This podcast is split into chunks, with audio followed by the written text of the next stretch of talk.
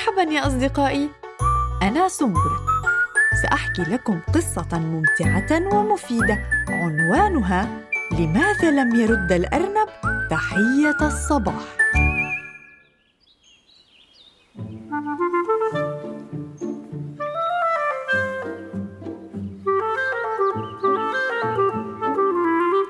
استيقظت الطيور تزغرد بنشاط مع طلوع الصباح. وتوقظ كل الأصدقاء الذين ينشطون خلال النهار في البرية وقبل أن تسطع الشمس دبت الحياة في المكان. كل يسعى للبحث عن طعامه ولمتابعة أعماله اليومية. توجهت الدجاجة بحبوحة إلى الساقية شربت وغسلت جناحيها. مر الأرنب صحصوح من جانبها كعادته فقالت له صباح الخير. لم يرد صحصوح التحية. رفعت الدجاجة صوتها عاليا. صباح الخير صحصوح. مرة أخرى تجاهل صحصوح التحية وقفز إلى الجسر وعبره إلى الجهة الثانية. خصت الدموع في عينيها وهي تراقبه يبتعد. اقتربت البطة وهي تستعد للنزول إلى الساقية مع أولادها. وقالت لها مرحبا يا صديقتي ما بالك تبدين حزينة؟ أجابت الدجاجة قلت صباح الخير للأرنب صحصوح. آه تغير صوتها وصارت تبكي بقوة ودموعها تكرج بغزارة وتصب في الساقية. سألتها البطة وماذا حصل؟ هل أجاب مساء الخير؟ لم ترد الدجاجه بل ظلت تبكي. طلبت البطة من الدجاجه أن تتوقف عن البكاء وتخبرها ما حدث. لم ترد الدجاجه بل ابتعدت عن المكان وما تزال تبكي والدموع تكرج وتنسكب في الساقية. طلبت البطة من صغارها الخروج من الماء والعودة إلى المنزل لوحدهم.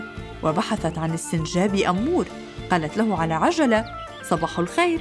هل علمت ما حدث للدجاجة بحبوحة؟ وضع السنجاب ثمار البلوط جانبا وسألها بجدية. ماذا حدث ها أخبريني. عفوا صباح الخير. ماذا حدث؟ أجابته البطة لقد قال لها كلاما سيئا ولم تتوقف عن البكاء. ماذا حصل يا ترى؟ سألها السنجاب ماذا حصل؟ أخبريني أنت. سألته البطة هل تعتقد أنه ضربها؟ قال السنجاب نعم أعتقد ذلك يا له من شرير. ابتعدت البطة عن السنجاب أما هو فقد حفر حفرة وخبأ ثمار البلوط داخلها ثم تسلق غصن الشجرة وقفز إلى الشجرة المقابلة. فتح النافذة الموجودة في الجذع أدخل رأسه وقال يوهو صديقتي البومة؟ استيقظي خبر عاجل. استيقظي استيقظت البومة بانزعاج. وسألته ألا يمكنك أن تنتظر حتى المساء؟ أنا أنا نعسانة. قال السنجاب الأرنب صحصوح ضرب الدجاجة بحبوحة. نظرت إليه باستغراب وتبع كلامه وقال أتخيل ما حدث. شتمها لكمها عضها. يا له من مشهد. قالت البومة لعله يغار منها. فكر السنجاب وهو يسأل لماذا يا ترى؟ ربما ربما كانت تحاول الطيران عاليا؟ قالت البومة لكنها لا تستطيع الطيران عاليا إنها دجاجة. أو لعله كشف سرها رآها تطير فوق الغيوم. قال السنجاب موافقا نعم نعم تطير أعلى من الصقور والنسور. قالت البومة أعلى من البوم يجب أن تنال جزاءها. سأل السنجاب من؟ فقالت البومة الدب أ... الأرنب الأرنب صحصوح طبعا. قال السنجاب هيا بنا نجمع أصحابنا ونذهب عند ديك البرية. في منزل ديك البرية قالت البومة لقد ضرب الأرنب صحصوح الدجاجة بحبوحة. صح الديك مستنكرا. نتفريشها؟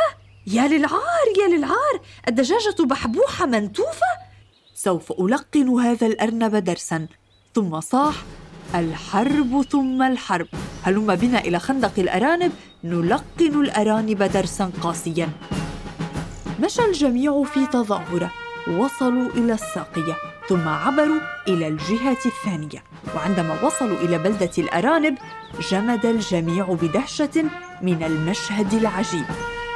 الدجاجة بحبوحة في أتم الصحة وفي كامل ريشها تضحك مسرورة كان الأرنب صحصوح قربها يضحك من الفرح ويده على فمه. رأت الدجاجة الجمع الغفير يترأسهم الديك والغضب في ملامح الجميع. سأل الديك بحدة ما الخبر؟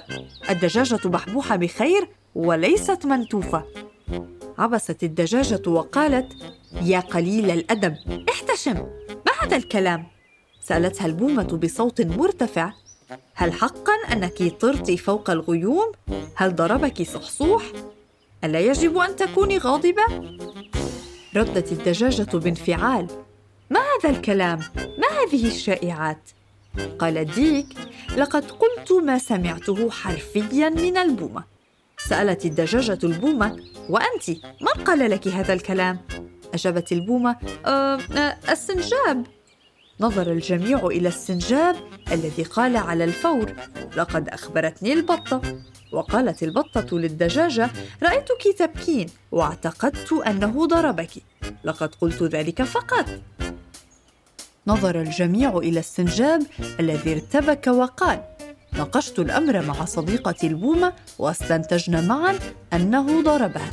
قالت الدجاجة الحقيقة أن كل واحد منكم كان يتخيل الأمور ويبالغ في سرد القصة. اعتذرت البطة والسنجاب والبومة والديك عن المبالغة. فكرت الدجاجة قليلا فيما حدث وقالت كان يجب أن أتكلم وأعبر عما في داخلي من حزن. وأجيب عن سؤالك يا بطة. تكلم الأرنب وقال بخجل شديد بعد أن أزاح يده عن فمه وظهرت أسنانه الأمامية مكسورة. أنا السبب أنا آسف لما حصل. كل ما حدث أنني لم أرد تحية صباح الخير. أنا أعتذر للمرة الثانية نمت تحت الشجرة وحلمت أنني أقدم جزرة لذيذة. وفجأة شحوت من النوم ووجدت نفسي أقدم جذع الشجرة فانكسرت أسناني الأمامية. شعرت بالخجل من أن ترى شديقتي الدجاجة أسناني المكسورة ولقد جاءت بنفسها تسألني لماذا لم أرد التحية؟ فأخبرتها الحقيقة وسامحتني كان الجميع ينصت للأرنب باهتمام شديد وما إن أنهى كلامه حتى انفجر الجميع بالضحك. لم يرجع أي منهم إلى منزله. ظلوا في ذلك المكان يضحكون من الساعة التي سمعوا فيها القصة الحقيقية من الأرنب حتى هذه اللحظة. قرأنا لكم في بودكاست سنبلة قصة لماذا لم يرد الأرنب تحية الصباح. تأليف سناء شباني. صادرة عن دار النديم للطباعة والنشر. قراءة سارة خازم وإخراج حسين حجازي.